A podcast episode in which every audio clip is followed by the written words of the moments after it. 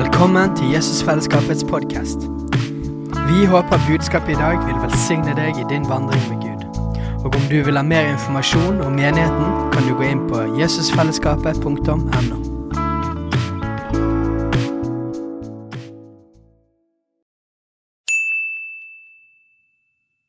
Hei! Visste du at Jesusfellesskapet starter en ny bibelskole til høsten? Den heter Jesusskolen og starter den 3. september. Gå inn på jesusskolen.no for mer informasjon. Hallo, hallo, folkens. Nå kom jeg på akkurat når jeg sa det, at eh, Joel, min tre år gamle sønn, han eh, fortalte meg at jeg sa en gang for et halvt år siden at jeg skulle opp på scenen. Og så sier han ja, da sier du sånn hallo, hallo, folkens. Sant? Det gjør jeg tydeligvis hver gang. Sånn er det. Skal høre det fra dine barn. Em, det er jo alltid masse nye folk eh, hos oss. Det er veldig kjekt. Hei, Marte. Det var kjekt å se Marte. Lovsangsleder helt hos oss. Veldig kjekt. Um, jeg heter Vegard Lofnes. Jeg er en av pastorene her. Um, jeg er gift med Ingrid, som ikke er akkurat nå, sikkert oppe på barnesamling. Og vi har tre barn. Uh, og det er veldig kjekt. Ja, så det er meg. Nå vet dere hvem jeg er. Alt dere trenger å vite. Neida. Em, de som har vært her de siste ukene, har hørt allerede at vi i lederskapet kjente at vi skulle forkynne om Jesus som seierherre eh, i menigheten. Det er jo et tema vi er ofte innom. Sant? For det, det, det er jo badet inn i hele Bibelen egentlig, og hele Nytestamentet at Jesus er seierherre. Men vi har aldri liksom fokusert, hatt en taleserie der vi bare snakker om dette temaet. Og Det gjør vi ikke bare fordi at vi mener at dette er bra og vi vil forkynne hele Guds ord. For det vil vi. Bare det hadde vært nok i seg sjøl. Men det er en annen ting vi har kjent på, at Den hellige ånd vil gjøre noe i menigheten vår i år, i Bergen, i landet vårt. Men spesifikt så opplever vi et, sånt, et ord fra Gud om at han er på, han er på gang med et gjennombrudd. Vise seg sjøl som seierherre i menigheten vår, i, i livene våre, kollektivt. alt sammen. Og, og Derfor vil vi òg begynne dette året med å forkynne det ut. Sånn, vi vet at troen kommer av forkynnelsen. Sånn, når vi løfter opp det Bibelen sier, så skaper det noe i oss. Det skaper tro, det skaper forventning. Det skaper de tingene som ligger til rette for at Gud kan gjøre det han vil. Ok?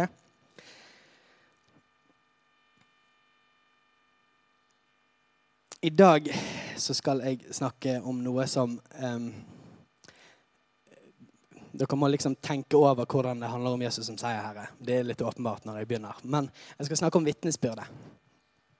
Vitnesbyrd. Høre vitnesbyrd, dele vitnesbyrd. Hva er vitnesbyrd? Hvorfor er vitnesbyrd viktig? Um, jeg skal prøve å fatte meg i korthet.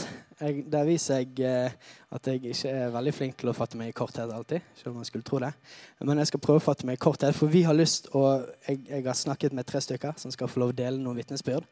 eh, Sånn at vi får tid til å gi det rom da, eh, i samlingene våre, og spesifikt i dag. Ok, Så er dere klare? Har dere bibler med dere? Enten på telefon eller på fysisk? Det er så skeivt at det bor her. Så. Da kan dere slå opp i Salme 102. Salme 102. Jeg vet at min venn Jørgen her har en, en lidenskap, en lengsel etter at flere skal ha med seg papirbibler. Eh, men Det er veldig praktisk med mobiler. Men det er alltid fint når man hører litt sånn rasling i sider. Ok, er dere kommet fram? Salme 102. Der står det i vers 1 og 2.: Min sjel, lov Herren, og alt som i meg er, lover Hans hellige navn. Min sjel, lov Herren, og glem ikke alle Hans velgjerninger. Jeg mener 103 hvis jeg uh, skrev feil. Ok, Da leser vi det en gang til, så kan dere følge med meg. Salme 103, vers 1 og 2. ok? Min sjel, lov Herren, og alt som i meg er, lover Hans hellige navn. Min sjel, lov Herren, og glem ikke alle Hans velgjerninger.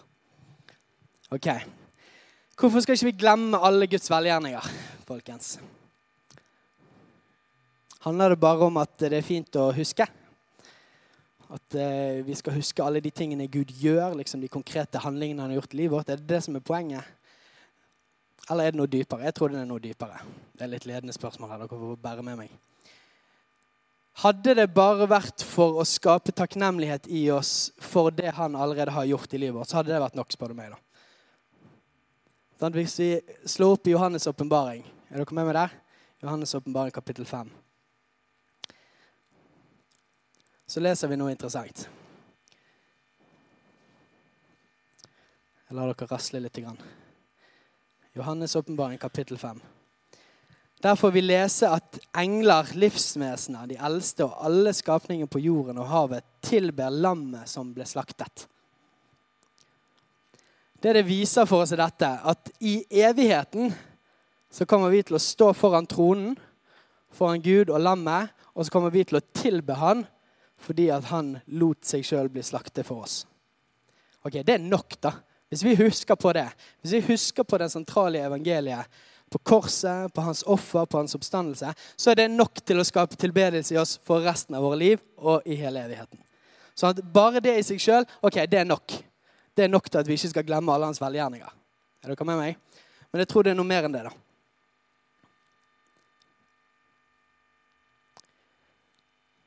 Hvis vi leser i Lukas 22, 19, så leser vi når Jesus eh, har disiplene hos seg og innstifter nattverden.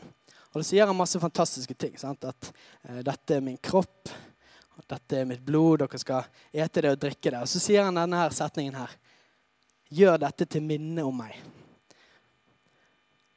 Og når, når, Jesus innstifter nattverden og, og, gir oss egentlig en befaling om at dere skal holde måltidet for å huske på meg, så handler det ikke bare om at vi skal huske på liksom, de fine karakteristikkene i Jesus. Nei, han har det i konteksten av sitt blod og sin kropp som han lot bli brutt. Det handler om at evangeliet får lov å bli løftet opp i vår bevissthet igjen og igjen og igjen. sant? Hvis vi leser i Apostelens gjerninger 2, så ser vi at eh, den første kirke eh, holdt måltid hver gang de traff hverandre. Til minne om Jesus. Så de hadde en kultur. Det lå liksom i selve DNA-et av den første menigheten at de brukte tid på å løfte opp historien om det Jesus har gjort for oss, igjen og igjen og igjen for å minne oss på det. Og jeg mener Det er en så sentral ting av våre personlige kristenliv og det vi gjør i fellesskap, er at vi hele tiden drar hverandre tilbake igjen til kjernen, til sentrum. Er dere med? Det er så viktig. For det, jeg vet ikke om dere har opplevd det. Jeg har opplevd det i hvert fall. At det går noen ganger noen uker eller noen måneder eller noen år der hvis jeg ikke minner meg sjøl på evangeliet, så kan jeg begynne å skli ut i vantro eller frykt eller bekymring eller synd eller hva det skal være. Mens evangeliet om Jesus har en sånn enorm og fantastisk kraft i seg til å grunnfeste oss i det sentrale. Nattverden bidrar til dette, men det handler om mer enn det. Det handler om at vi forkynner til hverandre. Hva skjer hvis vi ikke gjør det? Dere skal få lov å slippe å lese vers akkurat nå. Jeg skal lese for dere. Det er noen stykker, Men dere kan slå opp i andre Mosebok hvis dere vil Jeg Eh, glem det. Slå opp i Salme 106. Så skal jeg si litt fra andre Mosebok. Um, Jeg vet ikke om dere har lagt merke til det i historien om israelsfolket som gikk ut av Egypt, at det er, det er noen ting som går igjen. Eh, at israelsfolket som nettopp opplever de største tingene som har skjedd i historien, som mennesker har fått se av Guds under, tar liksom to uker, så glemmer de det. Og så begynner de å, eh, Jeg elsker når det står det i Bibelen. Så begynner de å knurre på Gud. Blir sint på Gud, får anstøt. Så sier de sånne ting som dette. I, i kapittel 15-19 spesielt, så ser man det flere steder.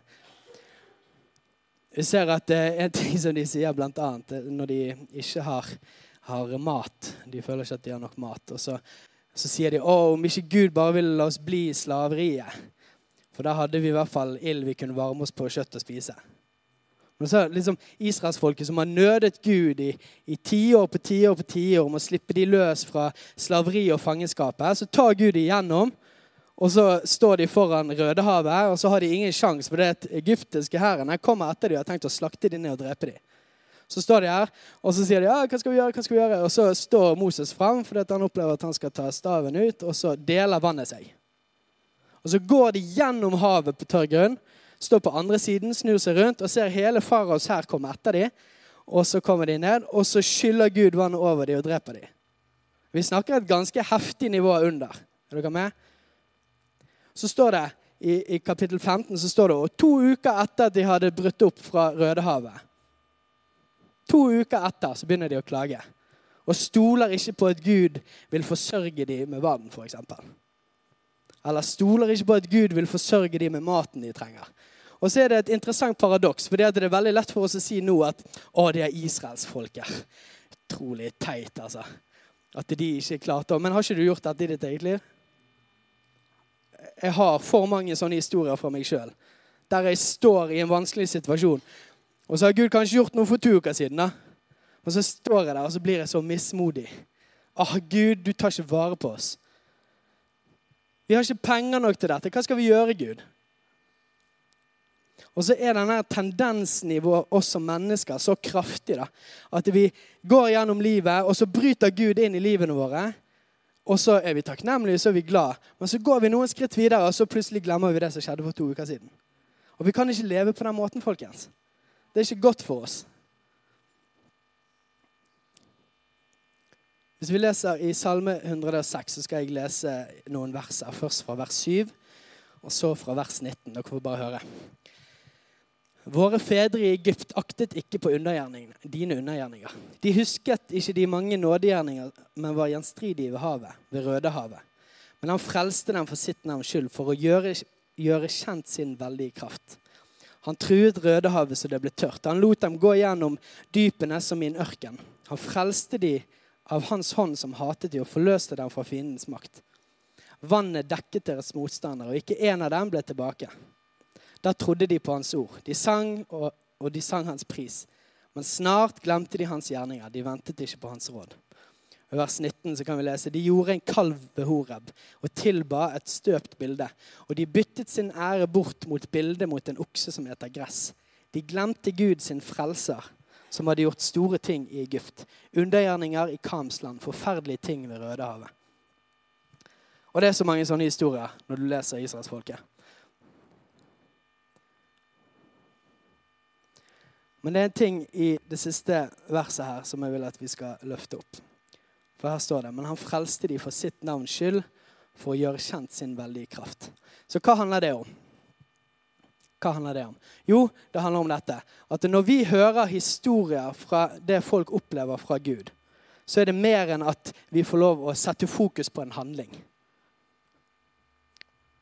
Skal se om dere følger meg her. Det er ikke som at eh, vi er på Instagram og så ser vi en reel. Og så ser vi en morsom reel. Og tenker vi ah, det var en fin reel, og så går man videre. For at vi skal bli underholdt av historien. Eller at vi skal tenke at å, det var godt, nå fikset han problemet mitt. Det som er tingen, at Når Gud griper inn i våre liv, så forkynner han oss noe. Han forkynner oss hvem han er. Og Dette er grunnen til at det er viktig for oss å legge merke til det Gud gjør. For det, det handlet ikke først og fremst for Gud bare om å redde israelsfolket fra faraos hær. Det kunne han gjort på andre måter. Han kunne f.eks. drept faraos hær i Egypt før Israel ble redde for at de skulle jages. Men ved at de kom og han demonstrerer sin kraft foran hele israelsfolket, så forkynte han noe til israelsfolket. Han sa eh, når dere står i fare, så er jeg en far, jeg er en gud, som med min kraft beskytter dere og redder dere. Og Hvis israelsfolket hadde tatt det inn i hjertet sitt, og det hadde blitt internalisert inni de, så hadde de fått lov å stå seinere hvis de skulle i krig, eller f.eks. når de skal inn i Kanaan for å sjekke da, om dette er et bra land de har lyst til å bo i. Istedenfor at de kommer tilbake mismodige, for disse folkene er jo mye større enn oss. Vi kommer ikke til å ha sjanse til å ta dem.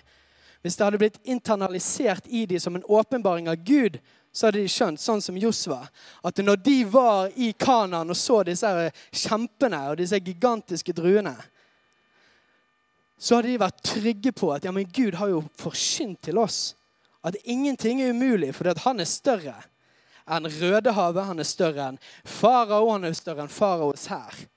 Hadde de fått en dyp åpenbaring av det som var poenget til Gud, så hadde det tatt de i sin trosvandring videre. Og dette er så overførbart til våre personlige liv.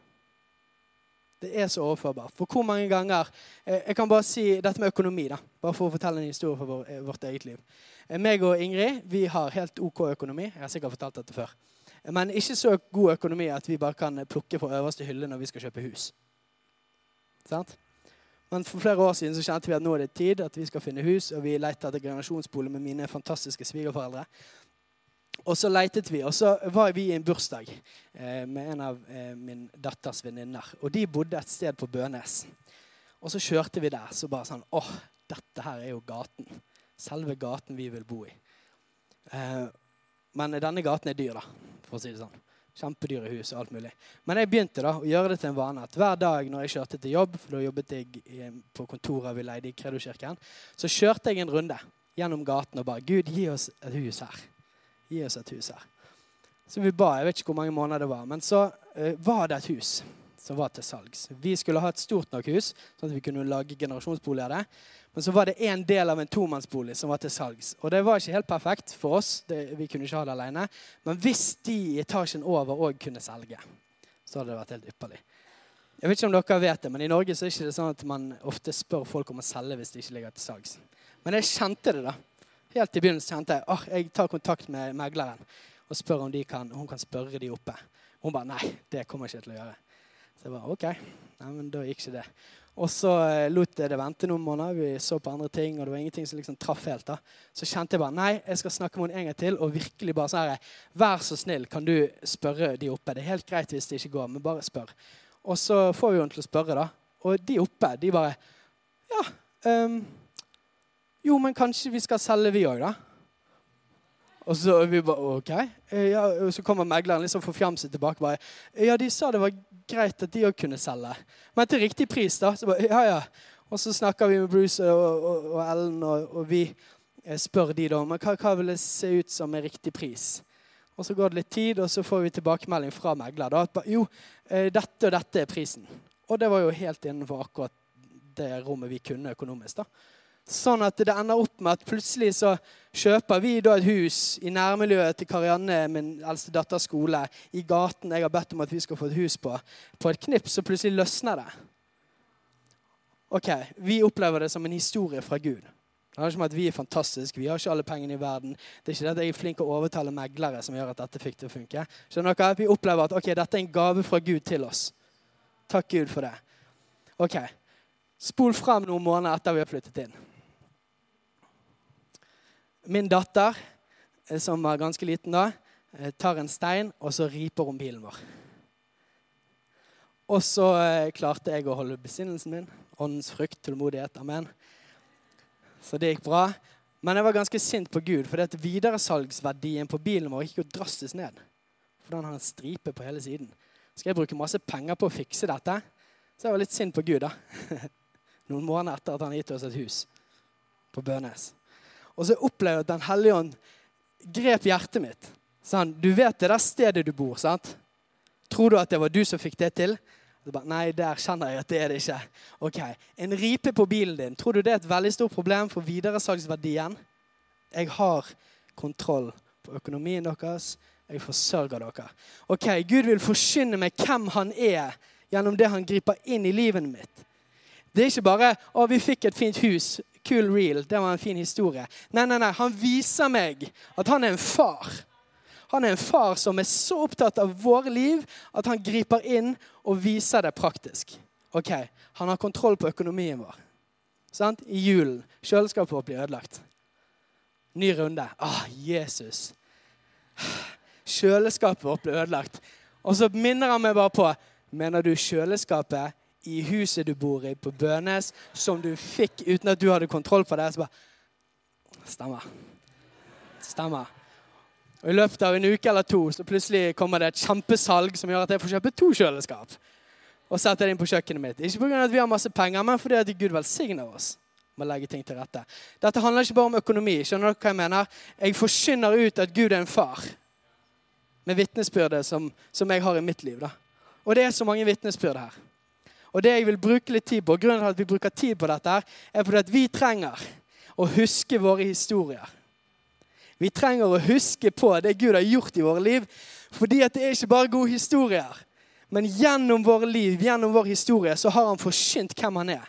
For at vi skal bli kjent med hans kraft, hans omsorg, hans kjærlighet. Ok? Jeg skal snart uh, slippe til uh, våre kjære folk som skal holde vitnesbyrd. Jeg tar denne òg. Johannes' åpenbaring 1910. Der kan dere gå. Skal vi lese et litt interessant vers?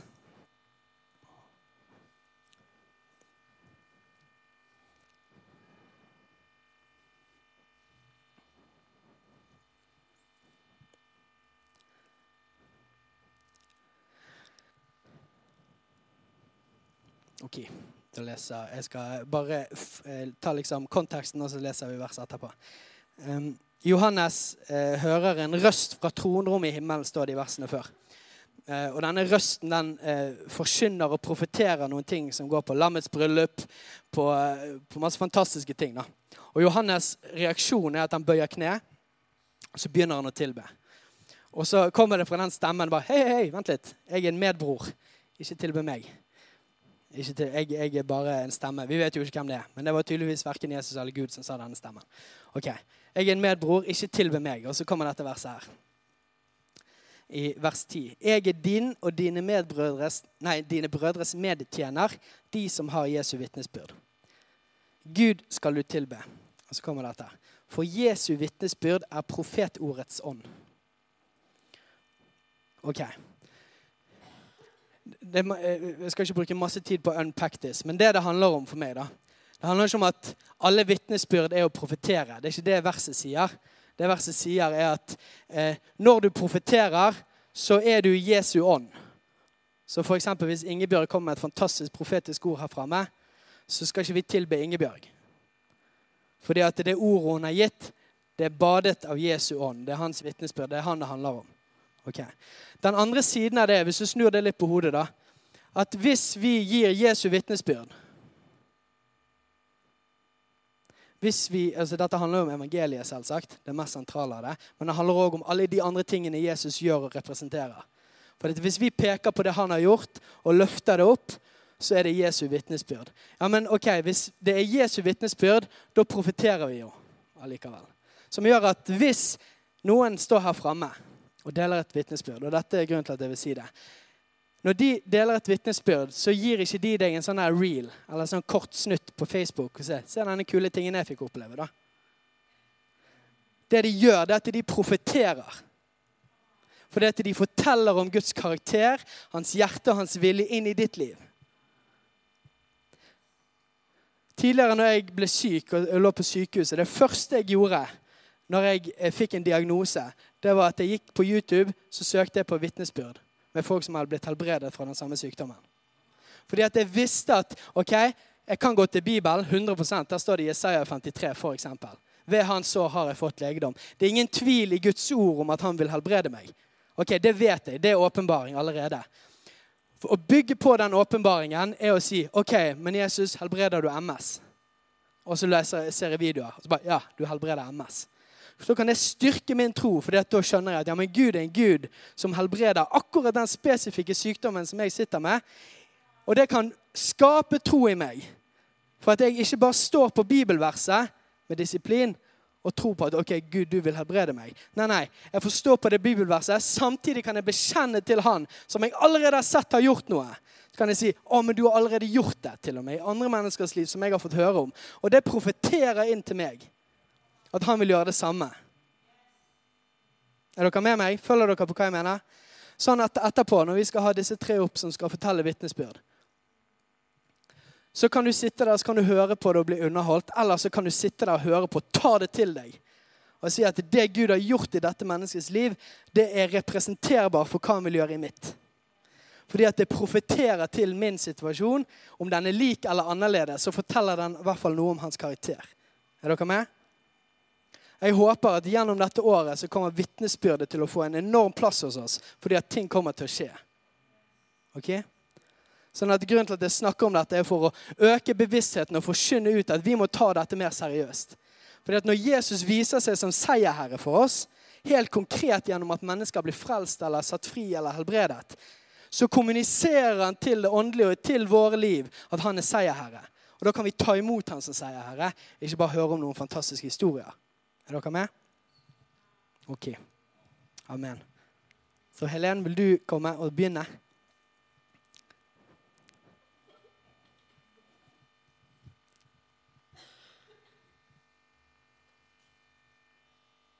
Ja, jeg vil vitne om at Gud har eh, reist meg opp fra sykdom. Det var i 2014 eh, så fikk jeg eh, ME, utmattelsessyndrom, og ble sengeliggende. Eh, og etter tre år så var jeg så dårlig at jeg hadde eh, hjemmehjelp hjemme.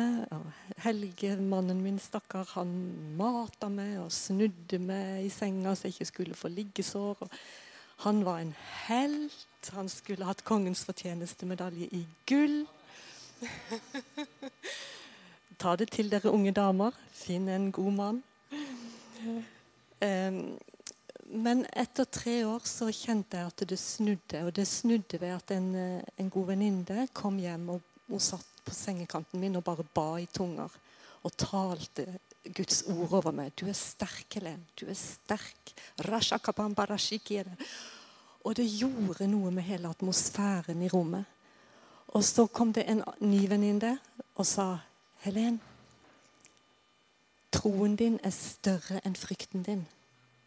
For jeg hadde blitt redd for å bevege meg. Sant? For jeg følte at det, bare jeg gjorde det minste lille ting, så ble jeg verre. Så det var kommet inn en sånn en frykt og en sånn løgn. Og så En av hjemmesykepleierne hun hadde en venninne, en barndomsvenninne, som hadde en annen venninne som var eh, fysioterapeut. Og hun tok kontakt med denne fysioterapeuten, som er kjempeflink å hjelpe sånne som har ME. Og hun heter Marianne Svanevik. Og sa hun der er ei dame som ligger i et mørkt rom, helt flat. Kan ikke du komme og hjelpe henne? Og Marianne, vet du, Guds favør, halleluja. Hun kom og hjalp meg og lærte meg hvordan jeg skulle komme meg opp og modellen hun jobba etter, det var en sånn trappetrinnsmodell. Og det som er litt kult, er at mens vi bodde i USA, rett før jeg ble syk, så var det en profet som sa Jeg ser en trapp foran deg. Det er Guds herlighet. Og jeg bare OK. Jeg skrev det ned i boka mi, for det har jeg lært, men jeg skjønte jo ikke bæret. Men her kommer altså Marianne Svanevik med en trappetrinnsmodell som skulle redde meg ut av knipa jeg lå i. Og det var at jeg skulle ta et lite framskritt i aktivitet. En bitte liten økning, og så holde på den. Og så etter 14 dager ta et bitte lite skritt til. Og så holde på det. Og etter 14 dager ta et lite skritt til. Og det som var tricky, det var at når jeg tok et sånt lite framskritt, så skriker kroppen 'Er du sprø? Er du gal? Du må ikke finne på det!' Det var betennelse her, og det var økt eh, symptom der, og det var Og da kom frykten. Den dama vet ikke hva hun gjør på. Hun er klin kokos. Men da kommer Åshild, min kjære, gode venninne, med et ord. 'Helen, jeg får et ord til deg.' Hvert sted du setter foten på, gir jeg deg. Det du setter foten på, gir jeg deg. OK. OK. Og så gjorde jeg det. Og så trossa jeg frykten. Og så var Gud trofast. Og så roa kroppen seg. Og så stabiliserte det seg. Og så gikk det bra. Og så kunne jeg ta ett skritt til. Og så gikk det bra. Og sånn fortsatte jeg å ta ett og ett skritt helt til jeg var veldig, veldig, veldig veldig mye bedre. og jeg husker første gangen når jeg sto på mine to bein etter sant, lang lang tid hvor jeg ikke hadde brukt beina mine i det hele tatt. Jeg hadde hatt en sånn en bærbar do ved siden av senga mi. og da sto Marianne sånn ved sengekanten min så sa hun jeg pleier å gjøre sånn som de gjør i statskirken. sier hun. Sånn som presten gjør når han vil at forsamlingen skal reise seg. Og så holdt hun ut begge hendene sine sånn. Så det var jo et hellig øyeblikk. vet du. Og Jeg satt meg på sengekanten og holdt to i hendene, og så dro jeg meg opp, og så sto jeg på beina mine. Og bare Åh!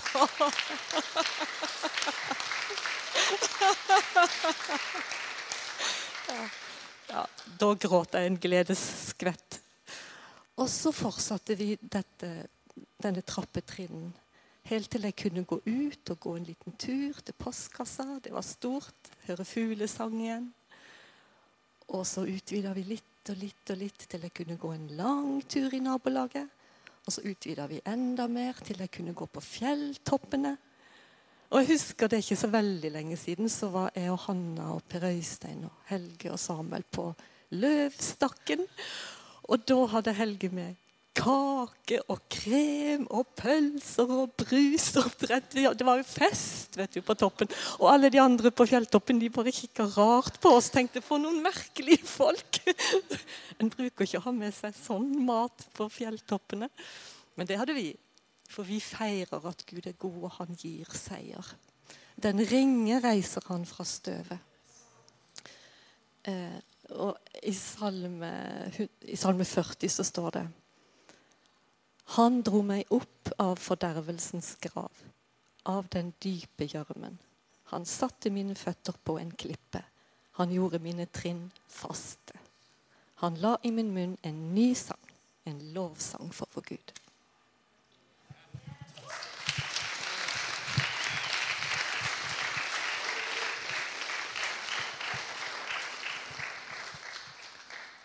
Jeg kommer ikke til å kommentere hvert vitnesbyrd etterpå. eh, Anders, vil du komme opp?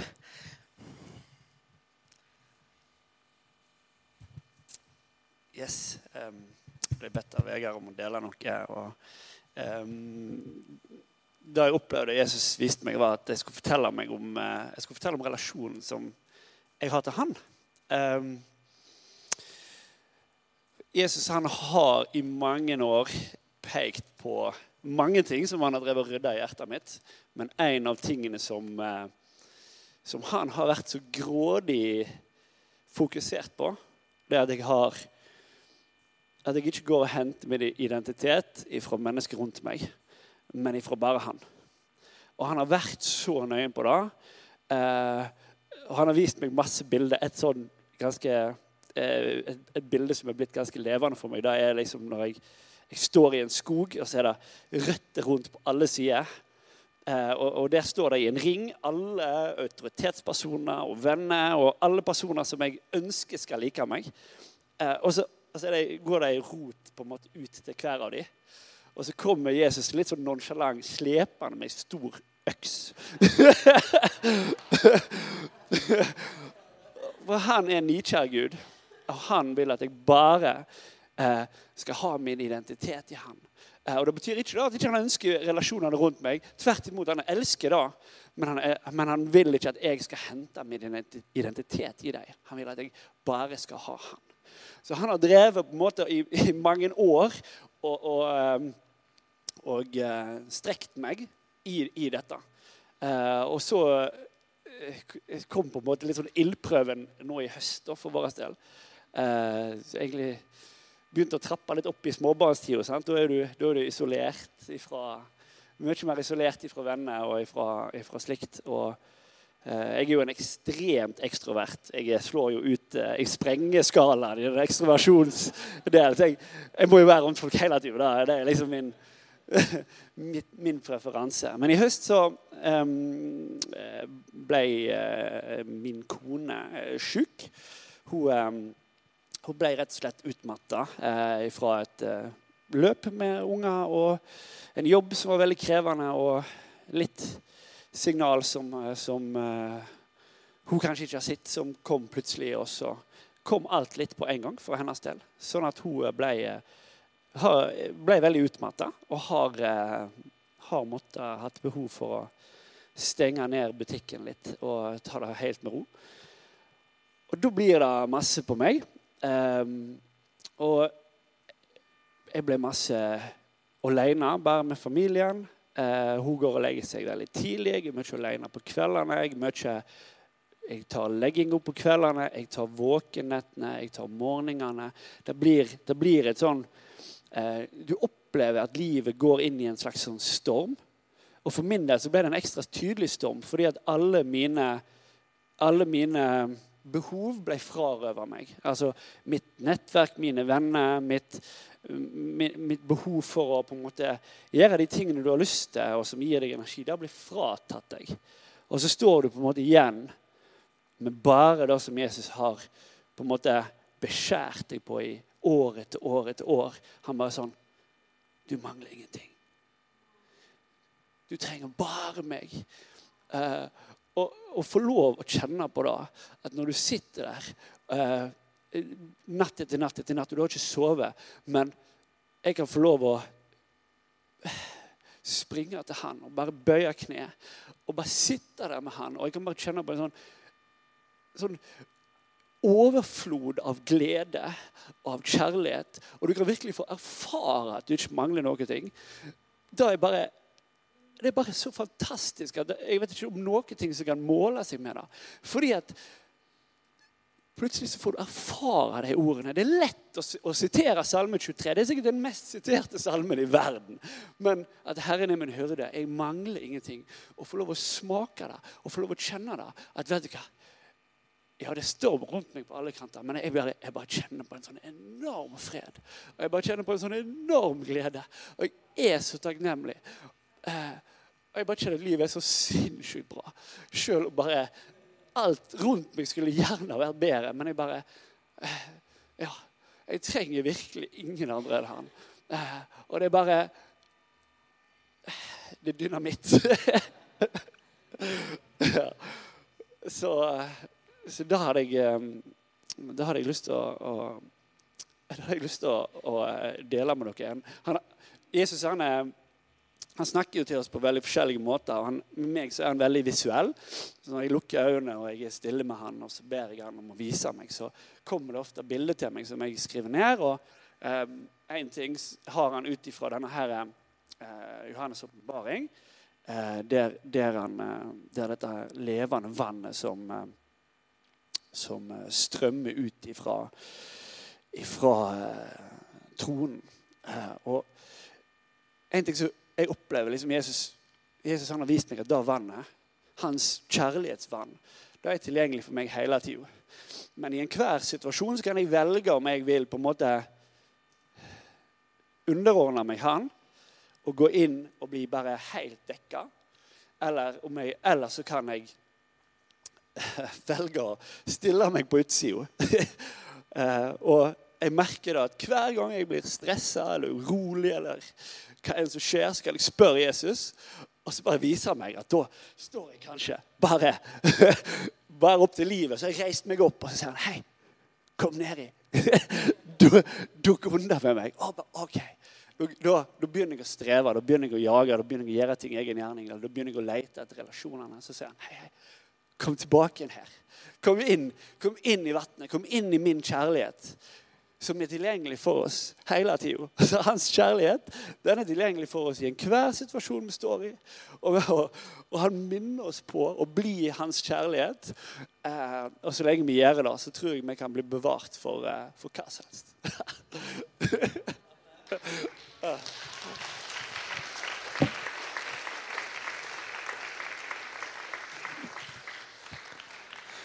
Fantastisk. Bruno, vil du komme opp med en gang?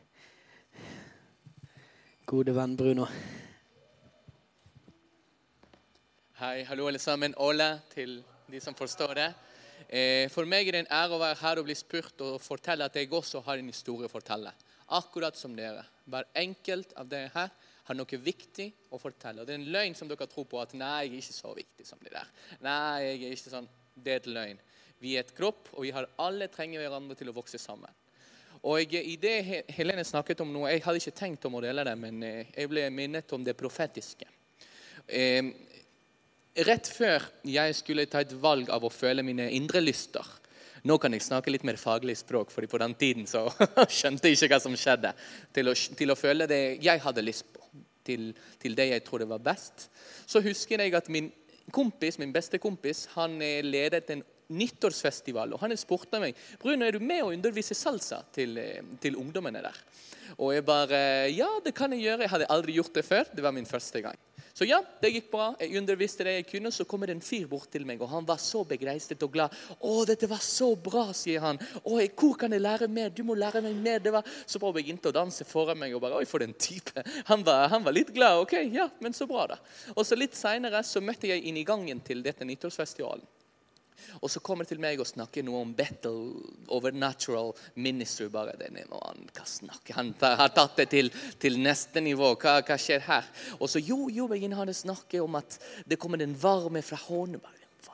Se, idet jeg ber Jesu Krist, så, så, kjente jeg en varme. bare, Hæ? Hva skjer her? Er det noe jeg ikke har fortalt om? Er det noe mer her, eller, eller, eller er han gal, rett og slett? Og så, og så bare gikk det tiden videre, og så skulle han gå. Og han sa nei, jeg, har, jeg må komme meg dit, men jeg har ingen som kan følge meg der. Jeg bare, ok, jeg har ikke noe annet å gjøre, jeg kan følge deg der. Så jeg fulgte han til sine venner, og så inviterte han meg til en sånn semi, profetisk seminar med, i, Nord, i Nordhordland. Bare, greit, har ikke noe annet å gjøre, jeg, jeg, jeg er med, greit. Og så var jeg med og begynte han om at folk alle kunne tale profetisk. og dette, dette var helt utenfor mine dogma, det jeg kunne om Gud og Jesus. Og Så går jeg der, og så begynner vi å tale. Jeg husker at jeg så en mann og så at han hadde en sønn. Og så begynte jeg å snakke at du var så god med din sønn fordi at din far har ikke vært så bra med deg. Og sånn. Og han begynte å gråte. bare, ja, men Det var jo selvsagt det jeg sa. Jeg kunne se det bare. Litt seinere måtte jeg innrømme at nei. Det var ikke så selvsagt at man kunne bare se det.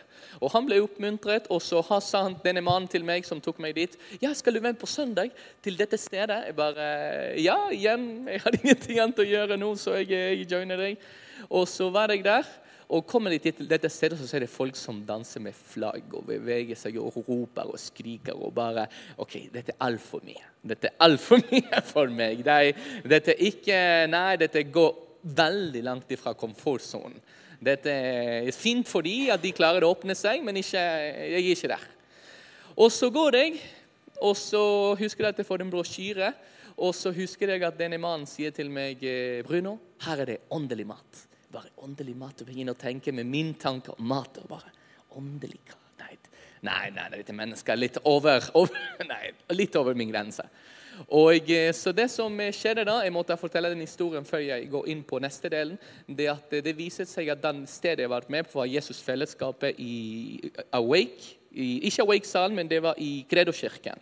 Og denne mannen som tok meg fra sted til sted, han heter Daniel Haddal. Han er litt kjent rundt omkring. men Men på den tiden så, så visste jeg ikke om kristen Norge, om det profet. Ingenting. Så det var bakgrunnen. Og så går jeg videre til å følge det jeg hadde lyst på. Så jeg begynte på dans. Jeg begynte å undervise dans, jeg begynte å konkurrere litt. Og begynte å, å, å følge det. Og så kom jeg til grunnet til liv til at jeg opplevde alle mulige kriser. Personlig krise, eksistensiell krise, kjærlighetskrise, kun familiekrise. Alle sammen samtidig på en gang. Var det tilfeldig at alle skulle komme samtidig? Jeg trodde det var nødvendig for å ødelegge min store ego. til å ødelegge den egoen som jeg brukte for å beskytte meg og ikke vise meg sårbar foran andre.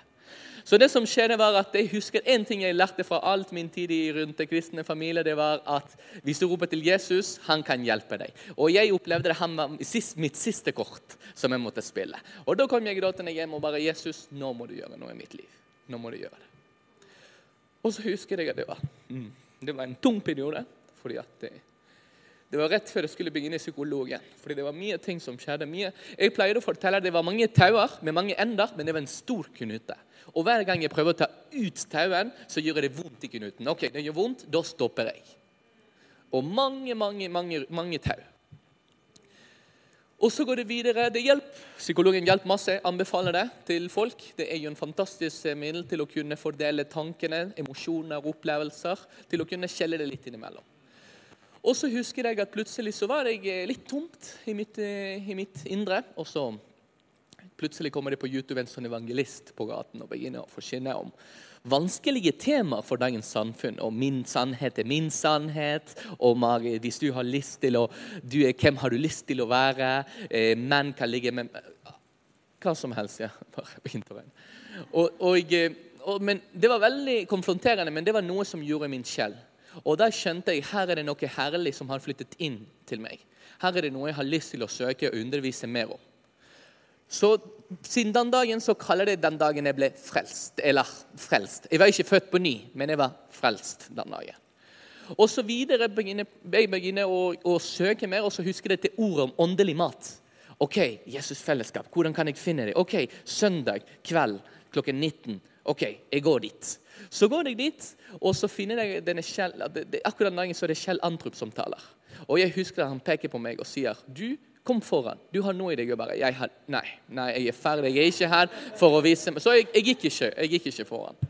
Og, eh, men jeg hadde lyst til å fortsette. da. Så går vi ut, og da ser jeg faktisk Vegard og er Erlend der borte. Så spør jeg du, jeg har lyst til å komme til et eh, gruppe. Kan jeg joine dere? Det kan jeg. Det kan du absolutt.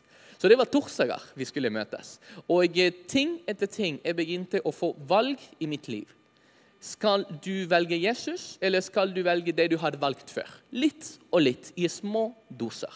Så da en av de vanskeligste var på torsdager, så hadde jeg salsakvelder. Der jeg underviste salsa, og der jeg ble sett, der jeg ble anerkjent, der jeg ble der jeg bare jeg var, jeg var noen der. Skjønner dere? Jeg hadde en identitet, og jeg var elsket, jeg var sett. Folk, men tingen er at den innflytelsen begynte å, å forsvinne og visne litt og litt. Og jeg begynte å plutselig jeg var, naken og bare jeg, hva, Hvem er jeg? Hvem er jeg her? Og jeg husker at Hver gang jeg gikk ut og danset, det var bra, men det var en stor og vondt tomhet i min hjerte. At jeg fylte med akkurat det, men så var ikke det som var rett. Og så torsdag så måtte jeg velge skal jeg gå til gruppen, eller skal jeg gå til å danse. Av og til alltid danse, men det var så tomt at jeg måtte velge torsdag til å dra til Vegard, til det huset Gud hadde gitt han. så det gjorde jeg. da. Så begynte jeg å gå der. Og eh, litt og litt så ble jeg hørt. Jeg, det dannes et trygt sted der jeg kunne bare åpne meg og vise meg sårbar. En ting som jeg ikke hadde turt å gjøre. Fordi Det var kanskje en av de mest frimodige tingene at vi sier at ja, barn er frimodige, men egentlig jeg tør å si at barn er mest naive enn frimodige. De forstår ikke helt alt den farlige ting som ligger der ute. Men plutselig står du der som voksen og ser du at det er farlige ting der ute. Men allikevel, jeg oppvelger, og du vet hvor mye det kan såre deg hvis du åpner deg. For jeg sier her er det som gjør vondt for meg. Hva skal du bruke det til? Skal du bruke det for å hjelpe meg, eller skal du bruke det for å ydmyke meg og såre meg? Og ja, Det finnes, det finnes mennesker der borte som gjør det med vilje, fordi de ble opp, selvopphøyd, og de kan føle seg dørlig i sin elendighet. Så, og da var, det, da var det en prosess. Så det var en av de tingene jeg ville peke fram. Det var tomhet. Det hadde jeg før jeg var i Jesus. Så, og det andre vil jeg si, en enorm dose av skyld. At vi har lært å ta skyld til oss. Jeg lærte jeg var sånn. Jeg lærte meg til at skjedde det noe, jeg var feig, og jeg turte ikke å konfrontere. Jeg turte ikke stå opp for meg. Så hva var enklest for meg? Å bare si ja, det var min feil. Det var min feil. Men egentlig så var det ikke det. Og noen andre ja, ja, det var Bruno sin feil. Vær så god. og bare, ja, Men det er ikke rett. Jeg, jeg, kan, jeg, kan, jeg, kan, ta min feil når det er min feil, men akkurat nå så var det ikke. Og det kom en enorm dose av skyld på ting jeg gjorde, på ting jeg ikke gjorde. så da sto jeg der. Og da husker jeg en av de viktigste øyeblikkene i mitt liv, da jeg husker at der ble jeg født på ny. Jeg sto med en enorm sky av skyld. Og jeg sa hvis jeg kan ikke leve sånn fortsatt, jeg er stoppet. Og da husker jeg at jeg begynte å lese og høre mange vitnesbyrd og, og masse forskjellig om Guds ord. Og da tenkte jeg ok, da må jeg tro. Ja, Men jeg forstår ikke det helt. Jeg må tro på at Jesus døde på korset. Og jeg tok min synd. Hvis jeg ikke hadde den troen, så kunne jeg ikke fortsette å bygge på dette. Så jeg måtte ha det. Og da gjorde jeg det, og da følte jeg det var litt som en som himmelske øyeblikk. der jeg bare, jeg kan bare legge ned alt min skyld framfor deg. Selv om det var ikke min. Og, da var det ikke, og akkurat der så opplevde jeg en styrke som hjalp meg. ok, I de tingene du gjør feil, du har lyst til å rette deg opp. Du har tid til å rette deg opp. Prøv å gjøre det. Og da var det den andre tingen. Den skyld. sant? Og nummer tre så var det valg. At jeg trenger visdom. Hvor ellers kunne jeg få visdom til å leve videre hvis verden sier at gjør det som føles godt, det skal føles godt? Så overfladisk. Hvis jeg skal leve sånn, så plutselig skal, så, må, så krasjer jeg i veggen. Og det er noen som er veldig flink til å skjule det, og noen som er ikke så flink til å skjule det. sant? Og jeg bare, jeg trenger visdom, jeg trenger å lære. Hvem kan jeg lære fra? Ikke fra min beste venn, som tror at alle er onde bortsett fra han. Den gamle beste vennen som jeg hadde. Ikke, ikke, fra, ikke, helt fra mine foreldre, som eh, løper fra av og til løpte fra ansvar i noen tilfeller. Ikke helt, Så hvor kan jeg finne din visdom for å leve? Hvem kan jeg tro på? Hvem er trofast? Hvem, hvem kan ikke svikte meg? For jeg jeg er redd til å bli skuffet igjen. Jeg vil ikke bli skuffet igjen. Og jeg tror det ligger veldig mye i langt oss at vi har satt vår identitet og vår, vår håp i mennesker. Og de er mennesker. Vi gjør en stor feil for de og for oss. Fordi vi løfter dem opp til et sted de ikke skal være. Og de er mennesker. De kan falle. Så hva gjør vi når de faller? Skal vi bare Ja, ja ok, nå må vi bare fjerne den. Skal vi ta imot, eller skal vi faktisk se du er en av oss? Du er, du er vanlig menneske. egentlig. Du er en av oss. Du trenger å bli lagt til kroppen.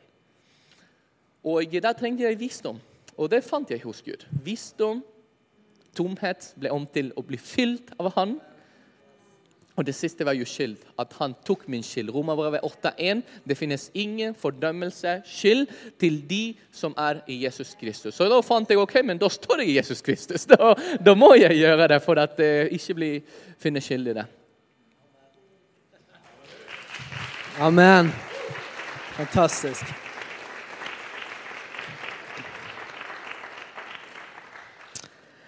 Jeg har lyst til å avslutte med eh, to ting. Det første jeg skal lese et bibelvers, og så vil jeg at vi skal be litt for hverandre.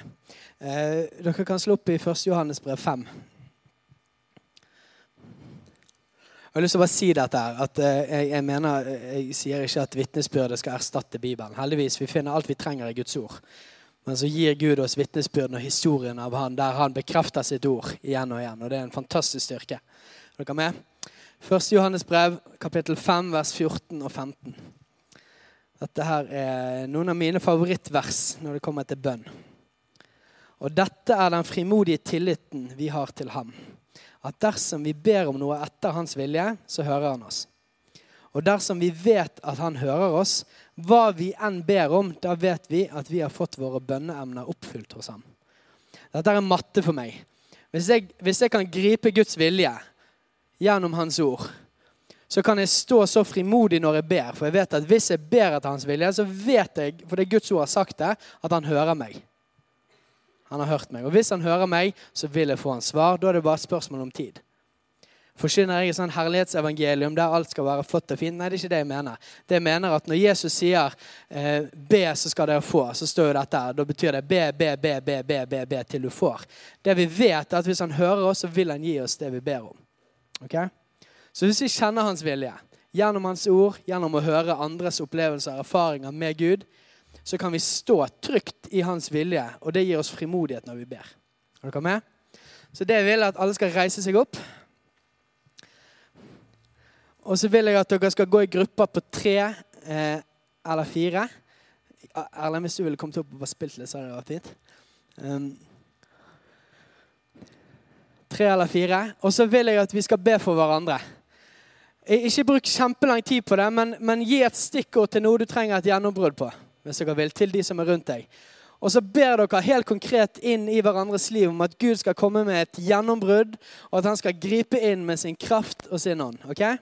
Så bruker vi noen minutter på dette til å be for hverandre.